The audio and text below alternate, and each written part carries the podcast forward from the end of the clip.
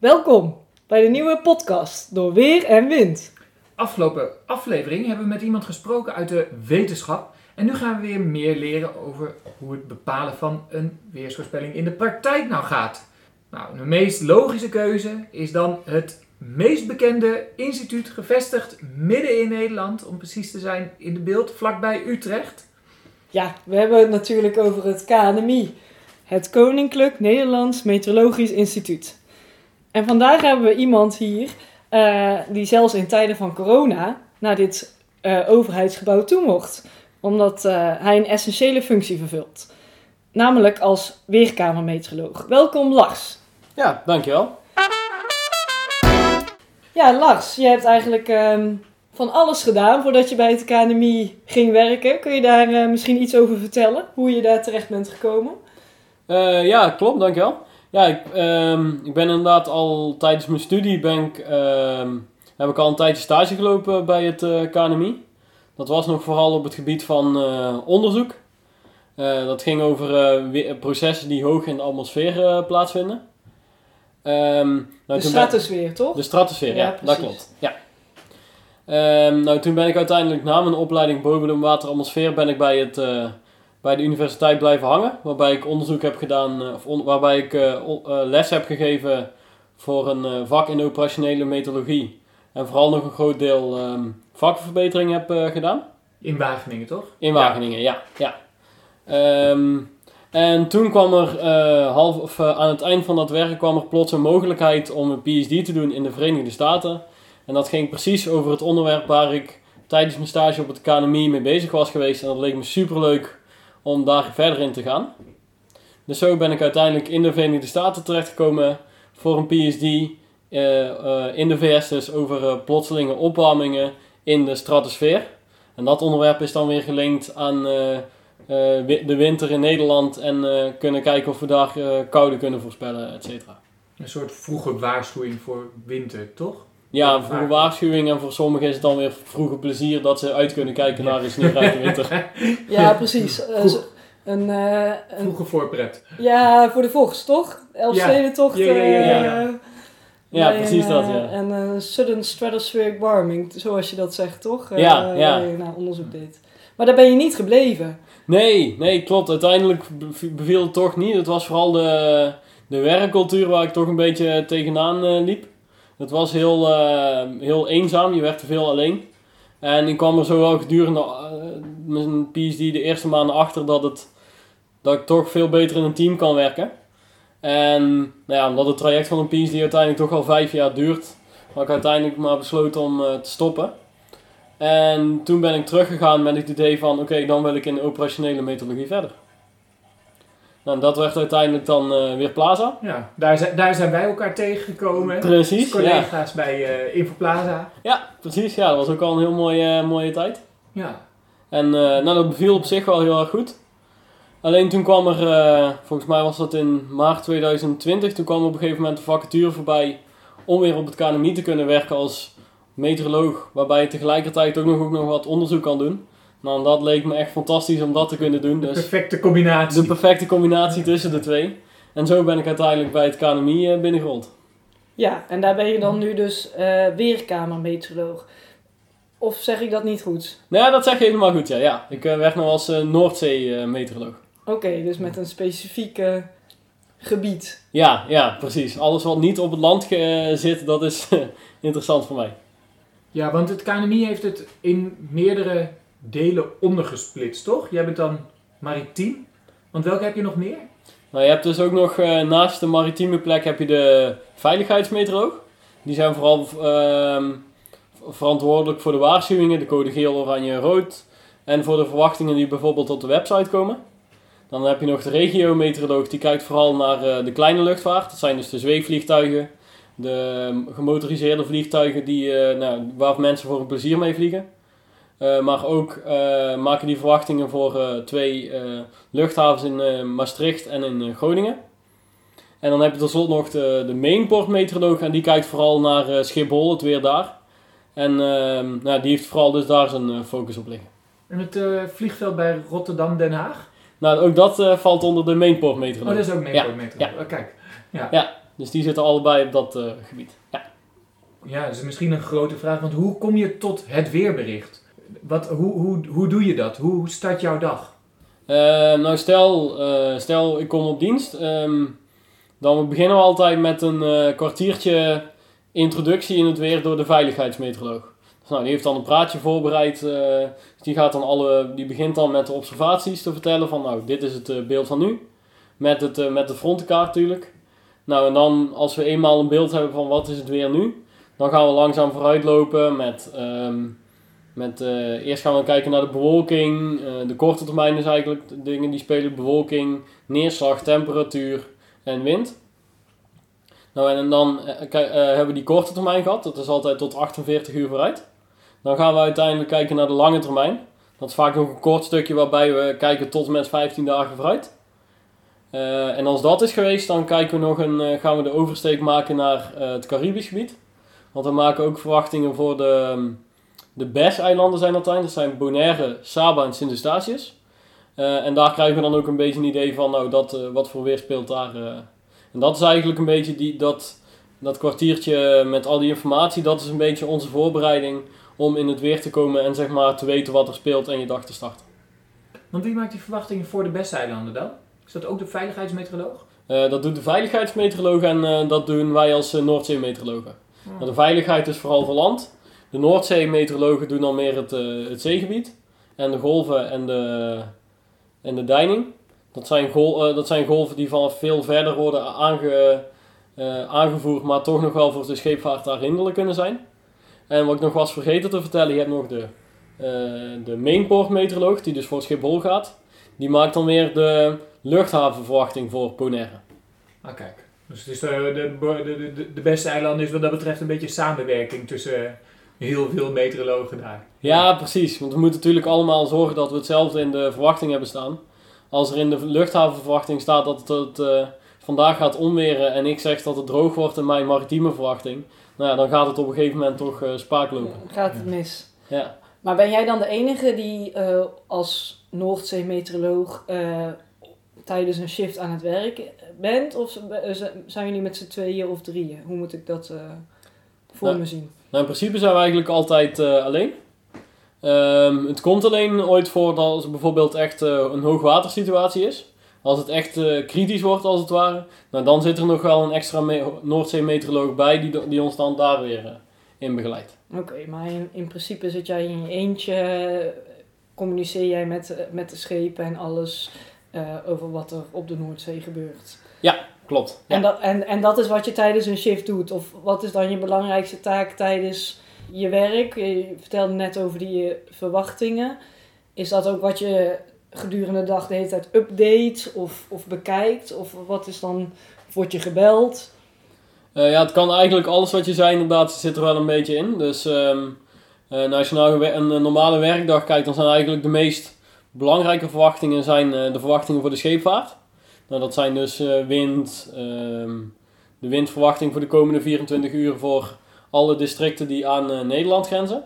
Ja, dus een beetje de, de, de, de, de, zee rondom Nederland is in vakken ingedeeld, toch? Ja, precies. Ja, dat klopt. En voor elke sector maak je dan een aparte verwachting? Klopt, ja. En dat doen we dus voor, eh, voor, de wind, voor de wind, maar ook voor neerslag en het zicht. Nou, je kunt je bijvoorbeeld voorstellen dat in de winter dat er dan mist ontstaat. En die kan dan ook de Noordzee oplopen. En nou, voor, voor die mist maken wij ook nog een specifieke verwachting, mocht dat dan in, in dat geval de Noordzee oplopen. En dan zeg je, eh, in deze sector eh, begin, eh, vindt mist plaats met zo'n zicht? Of, of geef je dan ook de locaties aan? Of wat, wat is dan de precieze product wat je levert? Of, Als het zo specifiek kon zijn, dan zouden denk ik heel veel scheepvaarders met ons blij zijn. Maar nee, eigenlijk maken we een heel globale verwachting. Dus we maken eigenlijk een verwachting in stappen van 4 uur. Eh, dus stel, eh, en dat gaat dan in een blok van 12 uur tijd. Dus stel je hebt bijvoorbeeld ehm, eh, het eerste blok van, eh, van eh 12 uur. Dan kan ik dus zeggen, nou in de eerste 8 uur is er kans op mist. Dan kan ik dus zeggen, nou eerst en middenperiode kans op mist. En dan eh, later oplossend of zoiets eh, dergelijks. Ja. Maar veel meer specificatie. Ik zal nooit zeggen, er is dan mist. Tenzij ik al weet dat die mist er zit. Omdat we eigenlijk niet de skills hebben, niet de modellen hebben om dat zo precies te kunnen verwachten. Voor scheepvaarten zijn wind en golven natuurlijk ook heel belangrijk. Klopt? Geef je daar dan ook een soort van, dit is de gemiddelde wind in, deze, in dit tijdvak en dit is de piekwind die je kan verwachten? Of hoe moet ik dat voor me zien? Eh, nou, we hebben het eigenlijk alleen een beetje over. eh wat kan ik daar het beste op? We, hebben de, we maken inderdaad een verwachting voor de gemiddelde wind. Maar de echte piek, de, de eh, windstoten, die doen we er niet echt in. Alleen als de situatie echt heel uitzonderlijk is, dat je een keer onweersbuien hebt. En dat er misschien een windkracht 3 staat, maar dat er windstoten zijn tot eh, eh, misschien wel 100 km per uur. Maar Ja. doorgaans maken we alleen een verwachting voor de gemiddelde wind. Maar als die gemiddelde wind wel net in het uiterste hoekje windkracht 8 gaat bereiken, dan nemen we die wel mee. Maar dan, want bijvoorbeeld bij eh, een frontpassage kan de wind ineens flink toe gaan nemen en ook daarna weer afnemen. Geef je dan de wind die je voor en na dat front hebt of juist tijdens? Want dat is maar een korte tijd, maar wel hevig. Ja, klopt. Wat je, ehm, nou, wat je vaak ziet is dat er als er, een, als er een winddraaiing komt op dat front, dan is het vaak heel snel gedaan met die ruiming. Of met die, met die draaiing van de wind. Dus dat heb je wel redelijk snel gepakt. Eh, maar als je kijkt naar zo'n kortstondige toename van de wind, dan kan het wel eens zijn dat we zeggen ehm, zuidwest eh 3 tot 4, windkracht 3 tot 4. Nou, dan spoedig eh, toenemend windkracht 5 tot 6.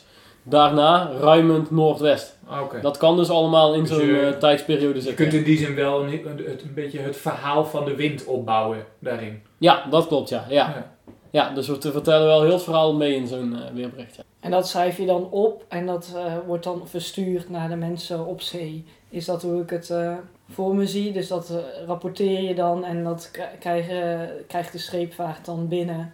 Waar ze dus ook hun route misschien op kunnen aanpassen. Of, Ja, ja, precies. Dus dat is eigenlijk de manier waarop we het doen. Eh, wij maken die verwachting in een eh, soort van eh, product, eh, ja, producttoepassing daarvoor. Nou, die verwachting versturen we en dan krijgen de, scheepva- de schippers die krijgen dat dan op hun communicatiemiddelen binnen die ze daarvoor eh, gebruiken. Vind je dat fijn werken? Ik kan me voorstellen dat het zeg maar, sectoren je in die zin ook wel beperkt. Omdat je, ja, zoals je net zegt, als het net in het hoekje de wind heel sterk is en de rest niet, ja, dan, nou, ja, dan neem je de wind van het hoekje. Vind je dit fijn werken of niet? Eh, nou, op zich, op zich werkt dat wel prima, omdat je op zich dat nog wel kwijt kunt. Maar het is vooral, als je kijkt naar zo'n sector, de windverwachting daarvan maken is vrij eenvoudig. Omdat in de meeste gevallen zitten alle weermodellen, die, zitten die berekenen die wind allemaal perfect voor de komende 24 uur. Dus de, de, de uitdaging van het product is eigenlijk vrij klein, behalve als je natuurlijk de mist hebt, want dan is het weer heel moeilijk. Maar daarom is het ook leuk dat we naast dat bericht voor die Noordzee, eh, voor, de, eh, voor de scheepvaart, dat we ook weer luchtvaartproducten maken op, voor op de Noordzee. En die zijn dan weer een stuk uitdagender en dat geeft dan ook wel weer een stuk meer eh, voldoening. Ja, want dat zijn dan vooral de helikoptervluchten die over de Noordzee heen gaan naar platforms en schepen en zo. Ja, precies, ja, klopt. Ja. En daar maken we dus een specialistische verwachting voor per. Dan hebben we eigenlijk ook de Noordzee waarover Nederland verantwoordelijk is. Die splitsen we dan ook weer op in eh, districten, zijn er een stuk of tien. En dan per district maken we ook weer een specialistische verwachting van de omstandigheden die dan voor zo'n helikoptervlucht belangrijk zijn. Zoals lage bewolking, wind en eh, zicht, eh, zichtafname door neerslag of juist door mist.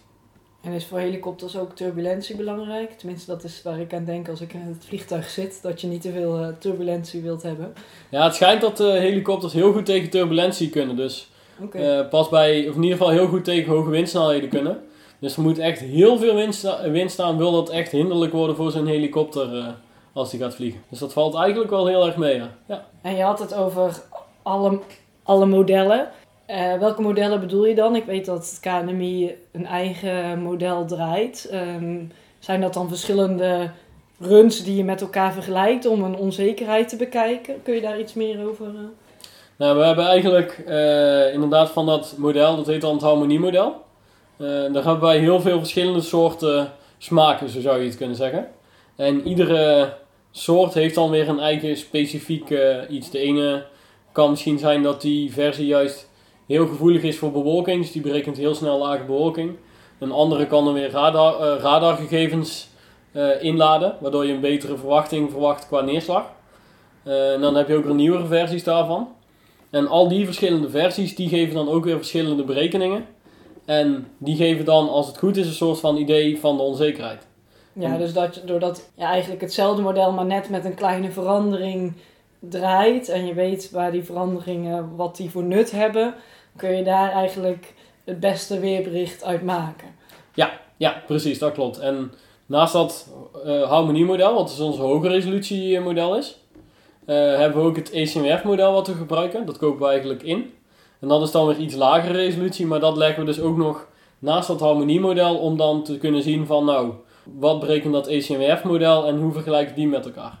Oh ja, want ECMWF dat is het Europese model, dus die maken een verwachting voor heel Europa en daarom is de resolutie wat groffer. Dus de gidscellen groter en dan kun je in minder detail het weer voorspellen.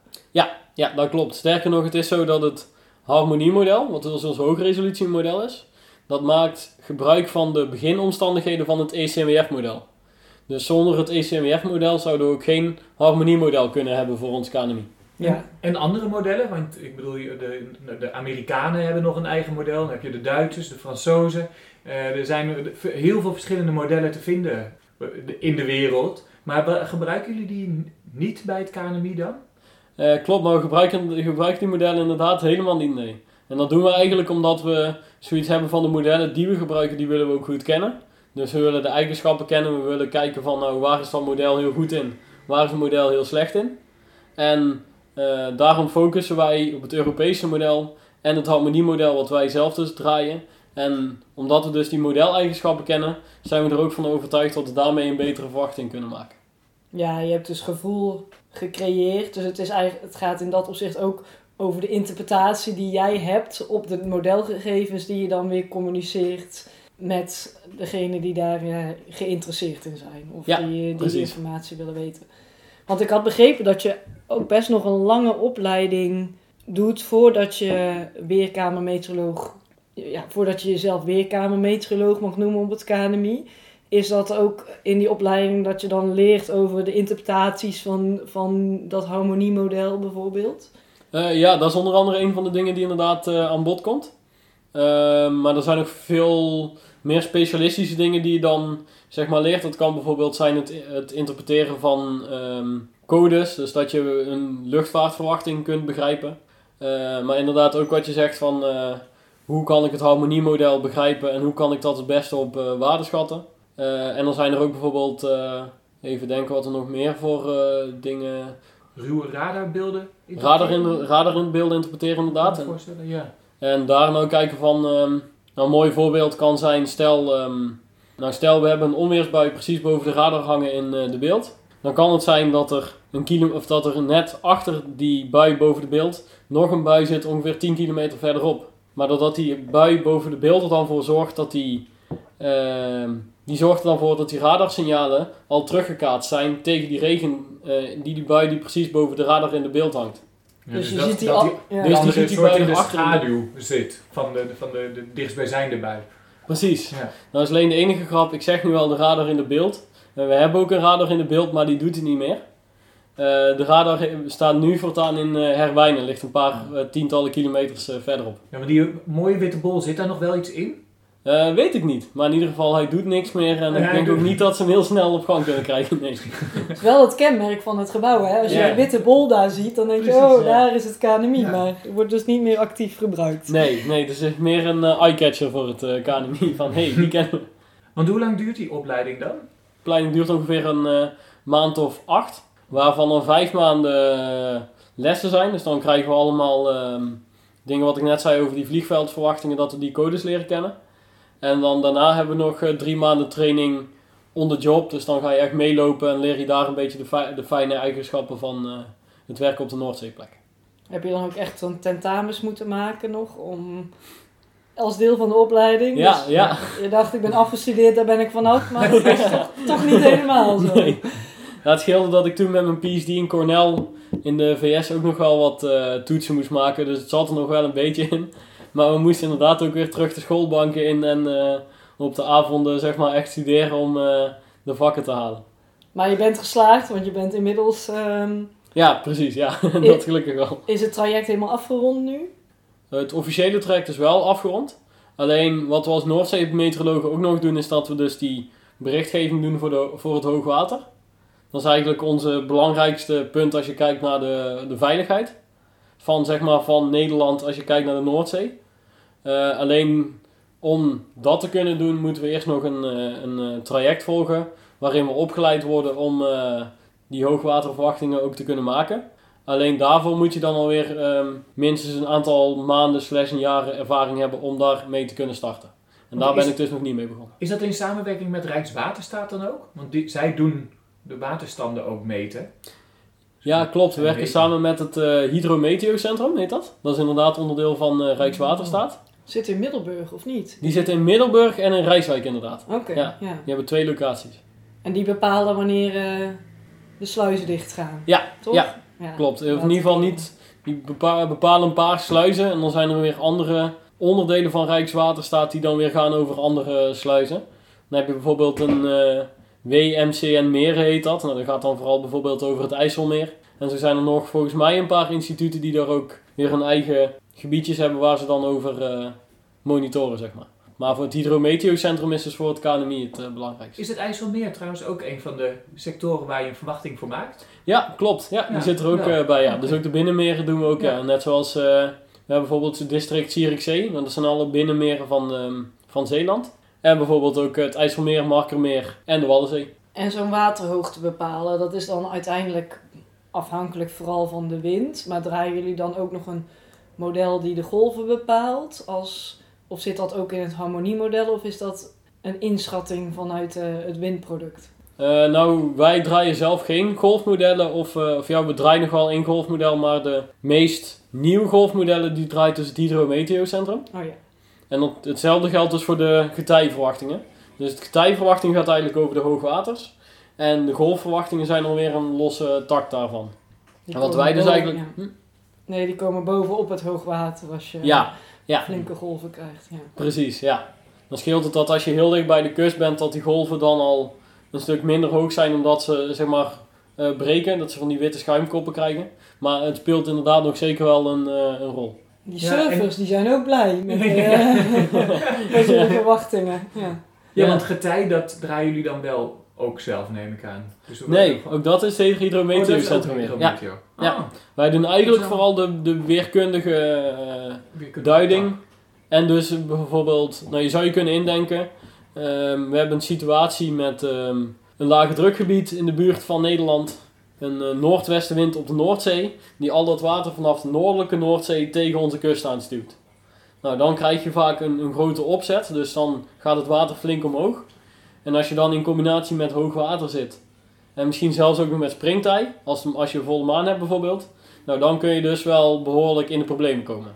En dan wat wij dus als meteoroloog dan doen is, wij kijken van nou zijn er bepaalde veranderingen in dat la- lage drukgebied.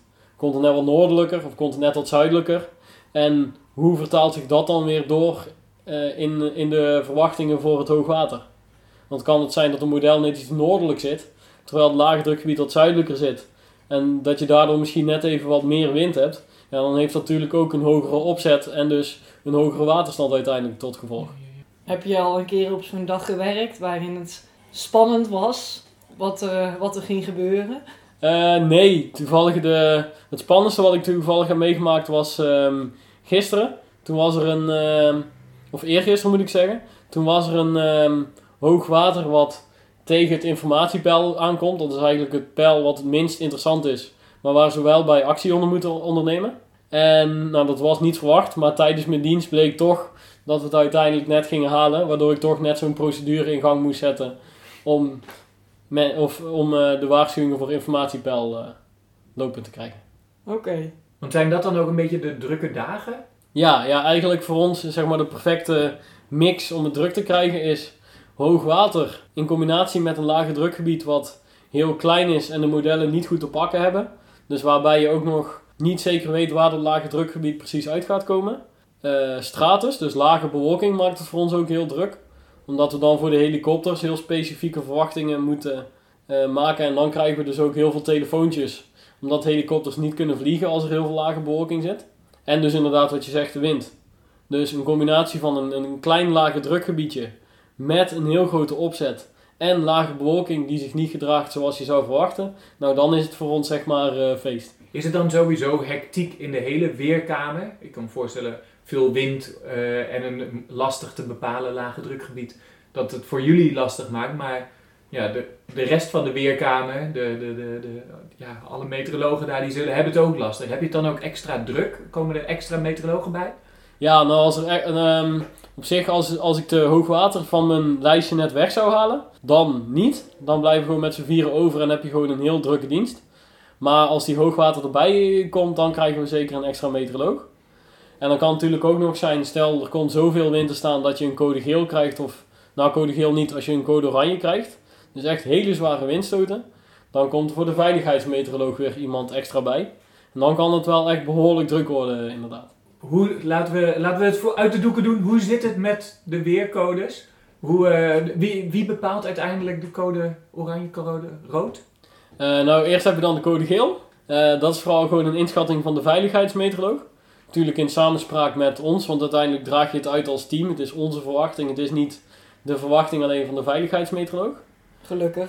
Anders uh, lijkt me toch, toch best pittig als je die verantwoordelijkheid hebt. Maar die is natuurlijk uiteindelijk wel bij iemand. Ja. Precies, ja, ja. Dus die wel echt, ligt wel echt binnen, voor de veiligheidsmeteoroloog. Dan heb je nog code oranje, daar zijn dan weer, ook weer criteria voor. Maar dan komt er veel meer bij uh, kijken. Want wat we onder andere doen is, uh, stel uh, we denken er kan een code oranje aankomen. Dan gaan we binnen ons team gaan we bij de verschillende meteorologen in de weerkamer langs. En dan maakt iedereen zijn eigen inschatting van nou, hoe groot achter de kans dat we code oranje halen voor bijvoorbeeld sneeuw of harde wind. Nou ja, als dat, als dat percentage boven 60% komt, dan is het in principe genoeg om een code oranje uit te geven. Dan gaan we eerst nog met iemand binnen het KNMI overleggen. Die toevallig, die wel buiten de weerkamer staat, maar wel verbonden is aan het KNMI. En met die afstemming samen bepalen we dan vervolgens die uh, code oranje.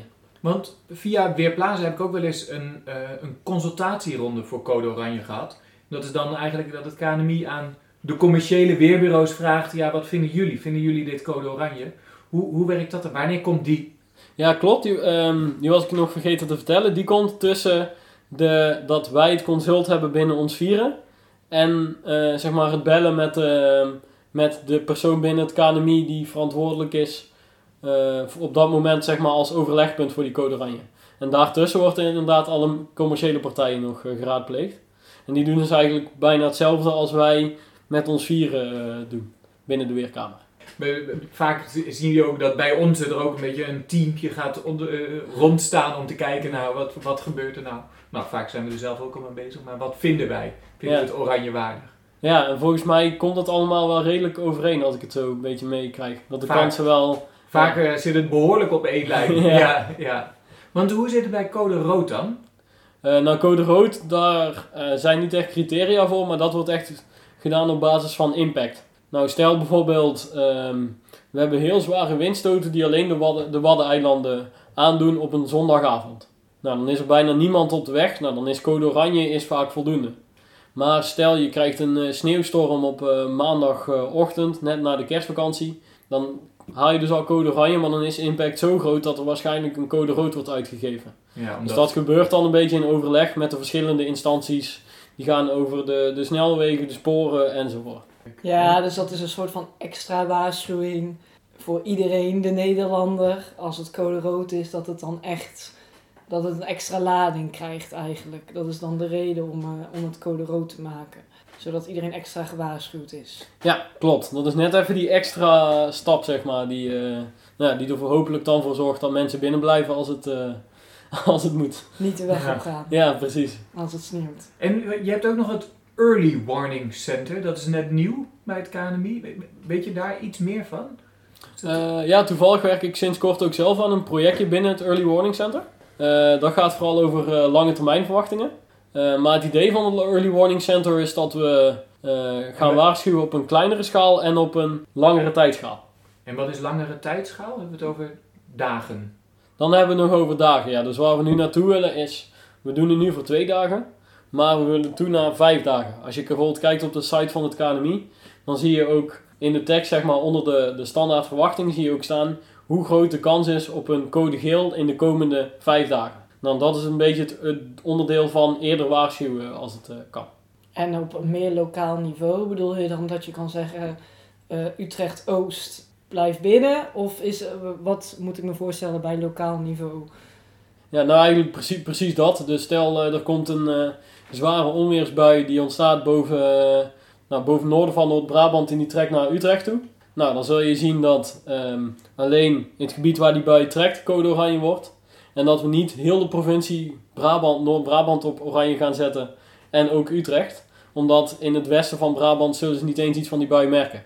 Dus het is inderdaad echt alleen die bui, die gaan we dan proberen te volgen en daar de waarschuwing voor eh, uitgeven. Ja, dus eigenlijk wordt het een gedetailleerder weerbericht op, met een langere termijn. Precies, ja. En daar moeten de modellen dan ook geschikt voor zijn, lijkt me. Dus die moeten dan ook met een hoge git gedraaid worden? Of is dat niet iets waar jullie dan mee bezig zijn ook? Daar zijn we op zich wel de hele tijd mee bezig. Maar ik denk dat dit vooral meer een slag is op het gebied van de producten die we uitdragen. Dus meer van, we hebben heel veel gegevens. Maar we willen dus nu eh, ook in het uitdragen van die gegevens een eh, stap zetten. En wat dan nog verder een rol speelt, is waar we ook mee bezig zijn, is een, ehm, een ensemble te draaien van het harmoniemodel. Dat zijn dus eigenlijk elf berekeningen van hetzelfde model, maar met een net iets andere begintoestand. Dat geeft dan weer een heel, heel scala eigenlijk aan verschillende uitkomsten. En nou, op basis daarvan kunnen we dan ook specifieke verwachtingen maken voor, of in ieder geval dat is het idee, dat we daarmee ook lokaler, preciezer kunnen waarschuwen voor die onweersbuien. Dat is dan wel weer op basis van een soort pluim een, eh, een kansenverwachting maakt. Precies, ja. Ja. Ja, dat is een beetje het idee eh, daarachter, ja. En dat is nou een van de ontwikkelingen die dan, zeg maar, aan de ontwik- modelontwikkeling zijde staat voor het Early Warning Center. Ja, maar er gebeurt best wel veel op het KNMI, toch? Zeg maar, buiten echt alleen het weer, een weersverwachting maken. Dus ook deze ontwikkeling van die modellen.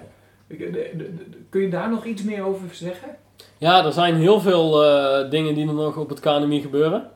Eh dus kun je bijvoorbeeld denken aan ehm één tak die we doen is eh, seismologie. Dus eh, de aardbeving in Groningen, dat monitoren wij ook binnen het KNMI. Verder is er een grote tak die houdt zich bezig met klimaatonderzoek. Dus bijvoorbeeld het IPCC-rapport of de Nederlandse klimaatscenario's. Oh ja, daar komen bijna, binnenkort komen er weer nieuwe Nederlandse klimaatscenario's, of, of niet? Ja, ik, ik geloof van wel, maar ik durf het niet zeker, eh, niet zeker te zeggen, nee. Nou, dan moeten we misschien iemand anders nog een keer wat meer over, eh, over vragen. Ja, en verder hebben we ook nog eh ehm, satellietwaarnemingen, is een grote tak. Die kijken dus bijvoorbeeld één project waar, ze heel, waar het KNMI heel bekend mee is geworden, is, eh, ik geloof als ik het goed zeg, het ging over luchtkwaliteit. Ik geloof dat het over Tropomi. Tropomi, precies ja. Ja, Ja, satelliet. eh, satelliet, ja. ja. die heeft zelfs ook het nieuws gehaald. Ja, maar wat Eh, was het ook alweer? Dat was de luchtkwaliteit, of niet? Ja, het waren bepaalde stoffen bij de luchtkwaliteit, maar ik weet niet precies eh, welke. Misschien dat de opvolger van mij hier ook meer over kan Ja, ja, ja. vertellen binnen het KNMI. Oh, ja, daar mensen kunnen we vast iemand over vinden. Ja, ja, ja. Ja, wat dus nog verder ehm, speelt binnen het KNMI is dus het, onder, of het onderzoek naar de weermodellen. En wat nog een hele belangrijke is, is eh, de waarnemingen. Dus het onderhoud van de radars, de, de weerstations op land, maar ook op zee. Nou, die zijn voor ons bijvoorbeeld heel belangrijk. En ehm, nou, daar moeten ze ook heel veel, en ook nieuwe innovaties van het, nieuw- het nieuwste weerstation of de nieuwe thermometer. Nou, dat wordt dus ook allemaal in het KNMI ehm, ingekocht, ont- doorontwikkeld, geëikt zodat het goed genoeg is om eh, onze lange datareeks die we hebben op de verschillende weerstations, die dan weer belangrijk zijn voor het klimaat, om die voor te kunnen zetten. Wij gebruiken ook heel veel de waarnemingen van het KNMI. Omdat, nou ja, als je in je achtertuin een thermometer ophangt, dan maakt het nog wel uit of die net in de zon hangt of aan de, aan de schutting. Ehm, maar de, eh, nou ja, die van het KNMI die zijn eh, bijzonder betrouwbaar. Dat is inderdaad wel een hele fijne. Ja, dus er gebeurt eigenlijk gewoon hartstikke veel. Maar er werken ook hartstikke veel mensen op het KNMI, toch? Ja, zeker. Ja, volgens mij inmiddels zijn we er ruim 400 mensen dat er eh, werken. Waarvan ongeveer 50 in de weerkamer. 50, oké. En in een shift zit je dan ongeveer met eh, 5 tot 10 man. Ja, meestal met z'n vieren dus, de vier meteorologen. Ja. En dan hebben we nog een procesbewaker die, alle, die kijkt of alles goed gaat qua processen, of alles goed doorgestuurd wordt en zo. Nou, en die moeten dus in een 24-7 rooster blijven draaien. Nou, en tel je dat allemaal bij elkaar op, dan eh, kom je ongeveer uit op 50 mensen, plus nog wat neventaken daarnaast dus. En wanneer is je nieuwe shift? Is die eh, in de nacht?